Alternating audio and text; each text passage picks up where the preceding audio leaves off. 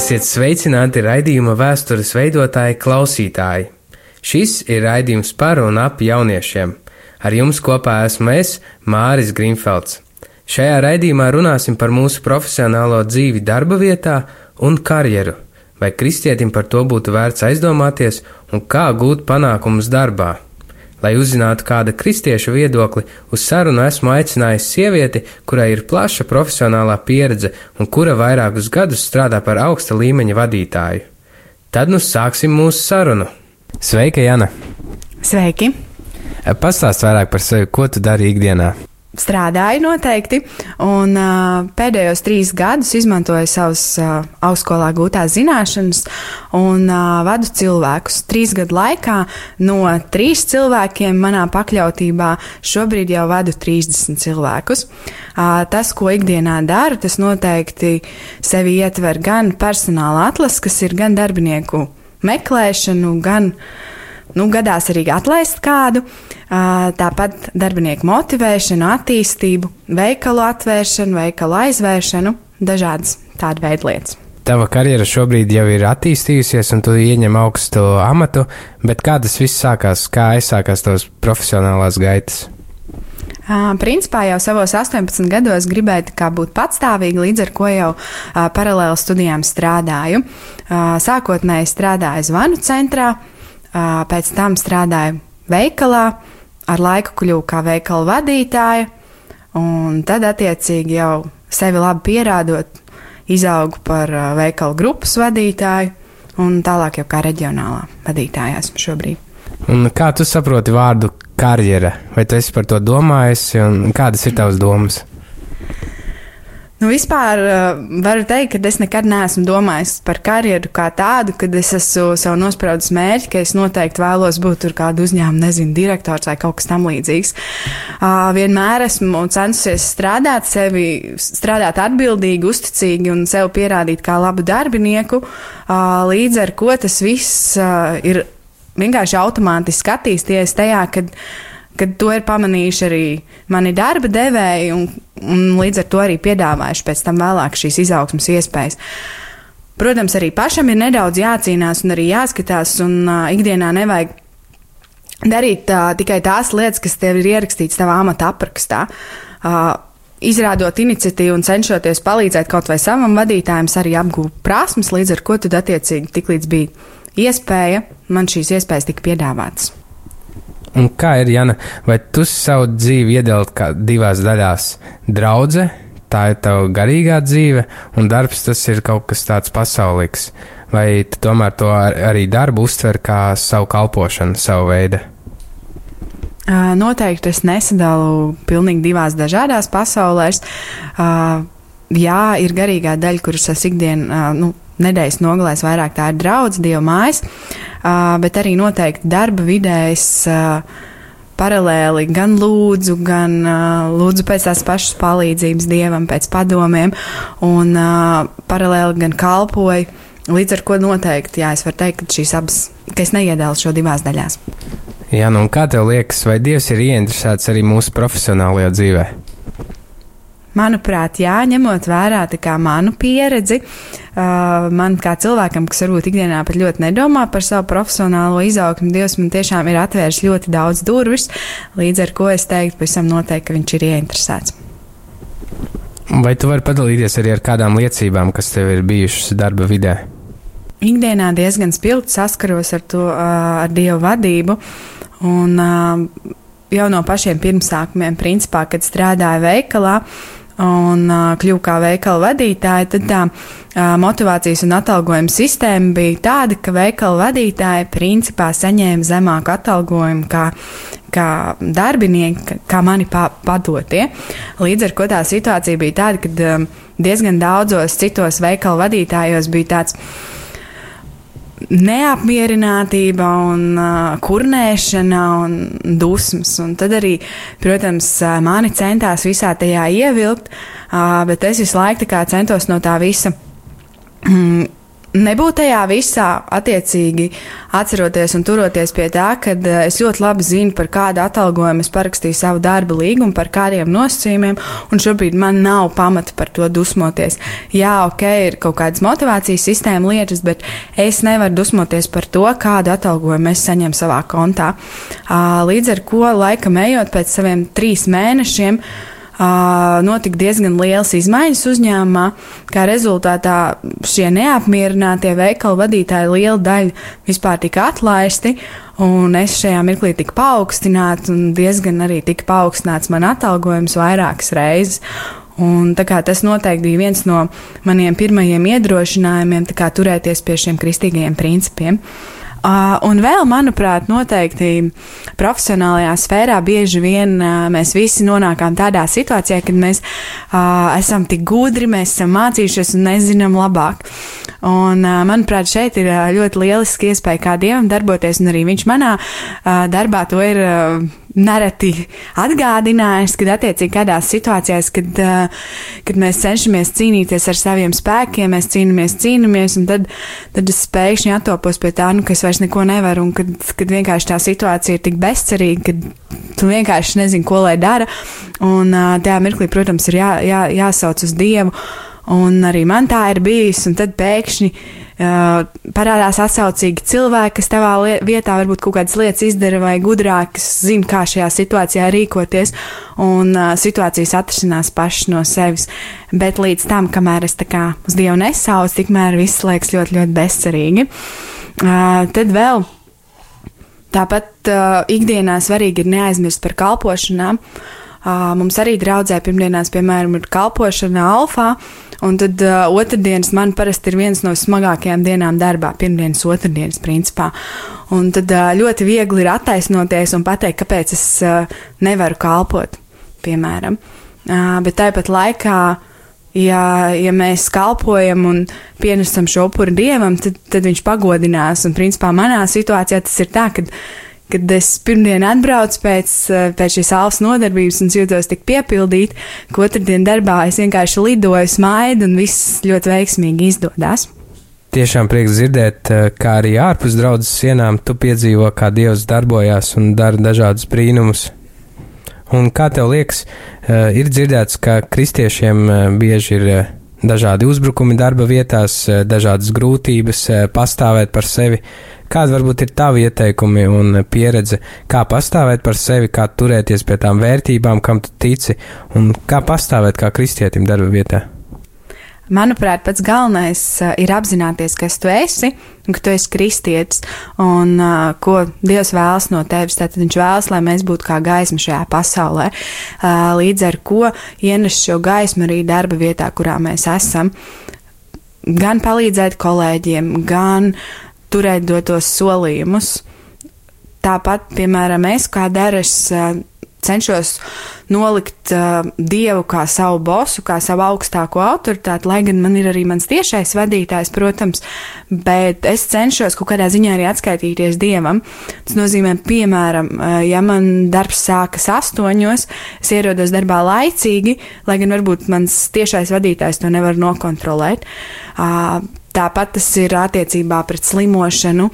Vai es izmantoju slimības labs savtīgos nolūkos, vai es tiešām esmu slima un uh, slimoju mājās. Tiešām, Jānis, izklausies, ka tu esi īsta svētība savai darba vietai. Mums noteikti katram ir ko pamācīties no tiem principiem, ko no tevis varam dzirdēt. Vai tev ir bijusi situācija, kad tu īsti varbūt neparādi sevi no labākās puses, kā kristieti, un kad tev uh, atnāk varbūt tāda nu, nožēlas sajūta par to, eh, kā tu tiec pāri. Nu, tas tomēr nav pasaules gals, kad, eh, kā, kā tu cīnies ar tādām situācijām. Nu, godīgi sakot, baigi man tāda situācija nav bijis. Grūti teikt, Dievs man pasargājis, vai es esmu diezgan lēnprātīga.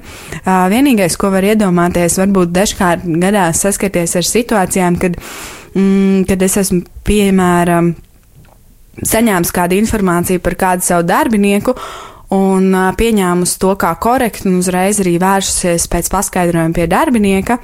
Varbūt netika laipnā veidā, bet diezgan varbūt agresīvākā, jo tas pārkāpums bija diezgan augsta līmeņa. Un, un tad ir atklājies vēlāk, kad attiecīgi viņš nebija vainīgs.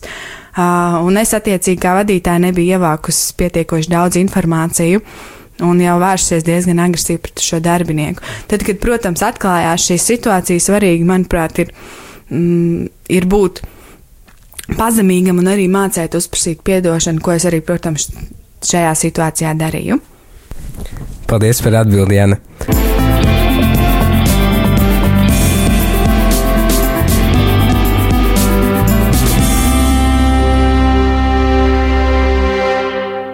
Skan raidījums vēstures veidotāji, un turpinam runāt par karjeru no kristiešu perspektīvas.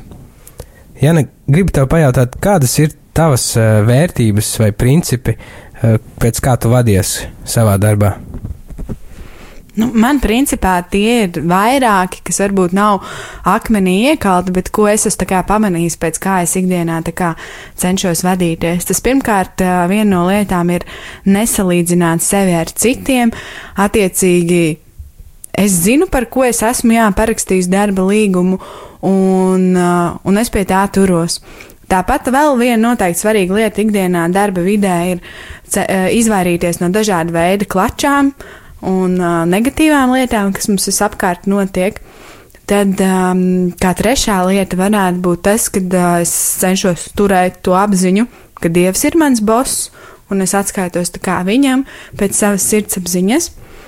Tad, um, manuprāt, ļoti svarīgi ir uh, ikdienā, protams, lūgt Dieva vadību un viņa palīdzību dažādās situācijās, uh, neiedzīvoties varbūt šajā situācijā un neizmantot to kā mm, attaisnojumu kā slinkumu. Piemēram, tas tāpat kā skolniekiem aiziet uz eksāmenu, nemācoties, un tagad pirms eksāmena lūk palīdzību, palīdz man Dievs. Pavisam noteikti nē, bet izdarīt to, ko es varu, un tālāk lūgt, lai Dievs tā tad vada un pieliek klāt. Jo Dievs, protams, vēlas, lai mēs visi būtu kā gaisma un ka mēs būtu kā spilgts piemērs, Un uh, tad viņš noteikti cenšas mūs pacelt un pagodināt. Vismaz es ar to ikdienā sastopos. Um, tad vēl, manuprāt, es cenšos turēties pie tā, ka darbs nevar būt šķērslis kādai kalpošanai. Kad, uh, ja es zinu, ka Dievs ir ielicis man kādā no kalpošanām, tad es cenšos pielāgot tam, lai, lai es varu pagūt uz šo kalpošanu, kas man ir paredzēta. Uh, tāpat ikdienas situācijās, kas ir gan profesionālā vidē, gan principā, ko es iesaku ikvienam, uh, situācijās nemeklēt attaisnojumus, bet meklēt iespējas. Un, manuprāt, cilvēks, kurš kaut ko gribēs, darīt, vai kaut kur nokļūt, vai tikt, viņš meklēs iespēju, bet, ja viņš negribēs, viņš meklēs attaisnojumu, kāpēc es to nevaru. Tad es savā ikdienā izteikti cenšos meklēt tās iespējas un tās alternatīvas, kā, kā ko izdarīt, un kā varbūt izdarīt kaut kādas neiespējamas lietas, vai meklējam, kā mēs to varam izdarīt. Un vai tev ir kādi principi no Bībeles, varbūt arī kāda raksturvieta, ko tu praktizē savā ikdienā? Tas, kas man uzreiz nāk prātā, noteikti ir raksturvieta par to, ka es uzticams mazās lietās, un es tev došu lielas lietas, attiecīgi par to, ka, jā, ja mēs labās, mazās lietas darīsim ar, ar vislielāko atdevi, sirdsapziņu, tad Dievs mums var dot arī kaut ko vairāk. Man piemērs varbūt tas pats jau iepriekš minētais par to pašu finansu situāciju, kad uh, liekas, ka tev pienāks varbūt kaut kas vairāk, uh, bet es biju uzticama tajā mazumā, kas man bija. Un uh, Dievs pats visu atrisināja, un es beigās saņēmu daudz vairāk. Tad uh, otra vieta, ko es arī uzreiz tā iedomājos, ka uh, tas, kas grib būt liels, un tas, kas grib būt kā pirmais, ka viņš būs kalps. Attiecīgi šeit tas, ko es redzu, tas, ka es nekad personīgi neesmu tiekusies pēc kaut kādām virsotnēm, tur cīnījusies, gājis konfliktos un patstāvējis par, par savu viedokli vai par savu taisnību, kad rekur tu kļūdījies un man bija taisnība.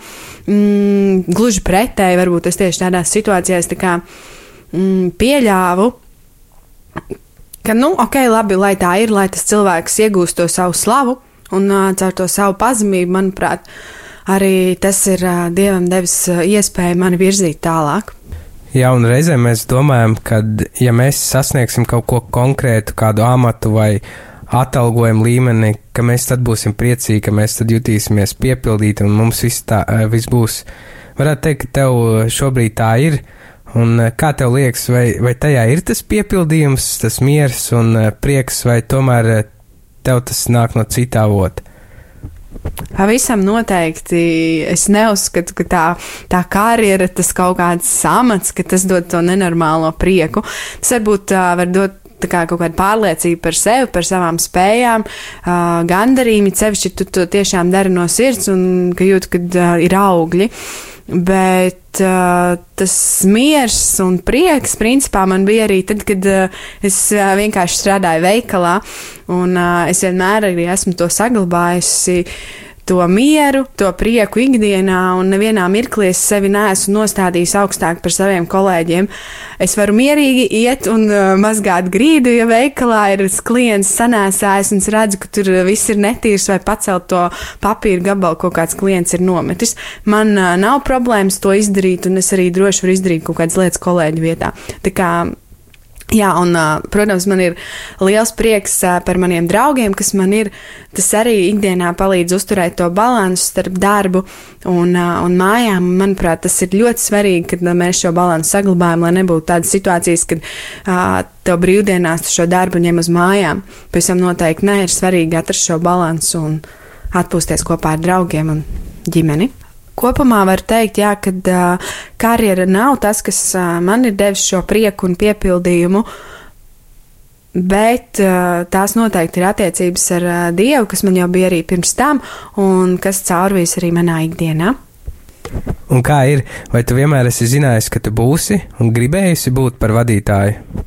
Pavisam noteikti, nē, godīgi sakot, man vidusskolas laikā bija diezgan tāda stereotipa, ka es noteikti negribētu būt vadītāja, jo visiem darbiniekiem riebjās viņu vadītāji un bosi. Un, un, jā, un es biju pārliecināta, ka es noteikti par to sfēru negribēšu. Es biju pārliecināta, ņemot vērā, kā man gāja skolas laikā, ka es būšu geogrāfi vai iešu pa turismu sfēru, jo man ļoti patīk ceļot un tā tālāk. Bet, nu, sanāca tā, ka es netiku budžeta grupā turismā, bet tiku budžeta grupā biznesa vadībā. Un uh, tad man bija tiešām tāds liels iekšējs pārdzīvojums, kāpēc viss tā notiek, bet es uh, paļā, paļāvos uz Dievu vadību, jo pirms tam mēs arī ar vecākiem, ar mammu bija lūgus par, par man tālāko karjeras attīstību. Un, un jā, es zināju, ka man ir jāiet tur, kur tātad uh, es tiku budžetā. Un, attiecīgi, tālāk studējot biznesa vadību, es sapratu, to, ka uh, man īstenībā patīk, un, un es redzēju tās lietas, kas, kas man izdodas. Mm, tāpat, uh, bet tas nemainīja faktu par to, ka, uh, manuprāt, tīri es kā cilvēks, kā personība, man liekas, es esmu diezgan introverts, un kad uh, jebkurš vadītājs viņam ir jābūt tādam ļoti ekstravertam, jo viņa ikdienā noteikti ir kaut ko prezentēt, tur pārliecināt, un ka viņam ir jābūt tādai skatuves personībai.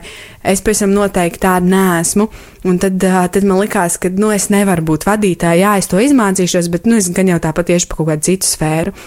Pēc tam ar laiku, kad man bija šī iespēja būt par vadītāju, tad man likās, nu labi, es pamēģināšu, ja jau es esmu to mācījusies.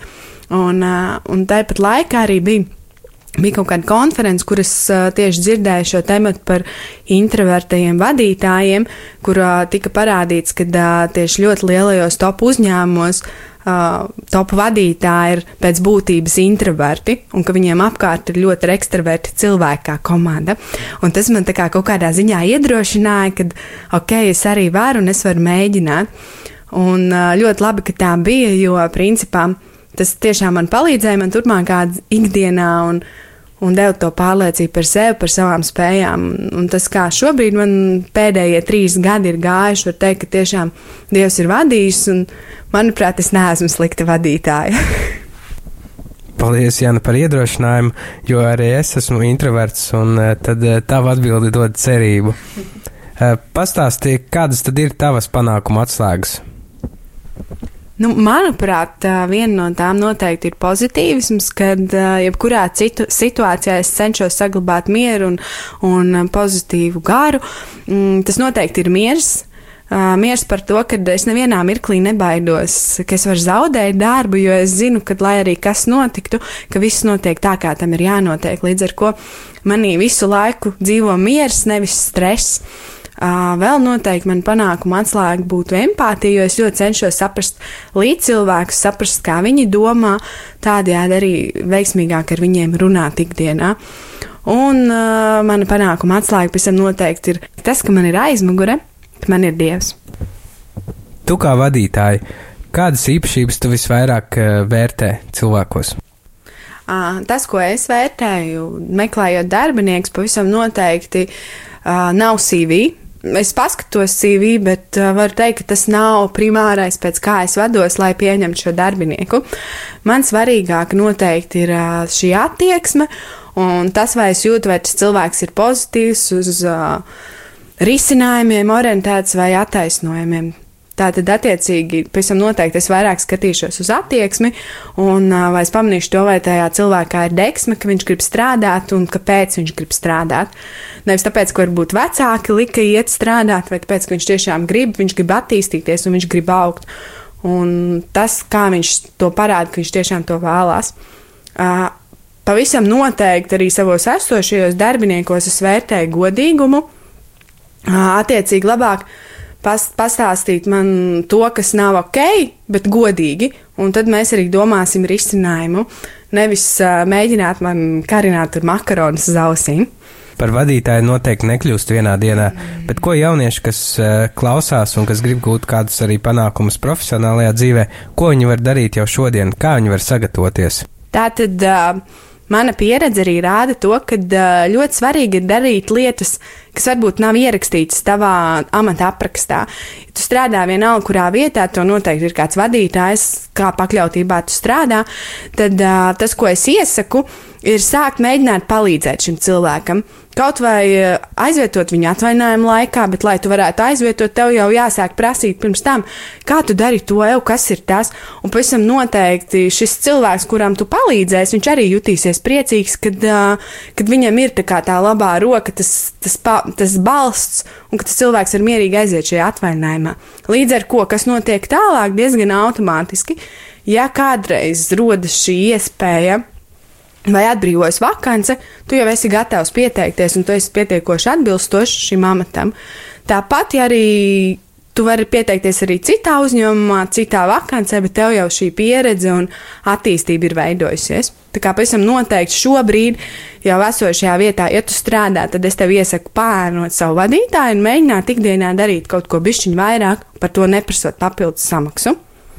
Un kā vecāki varētu palīdzēt saviem bērniem sagatavoties karjerai un tas, tam, kas viņus sagaida dzīvē?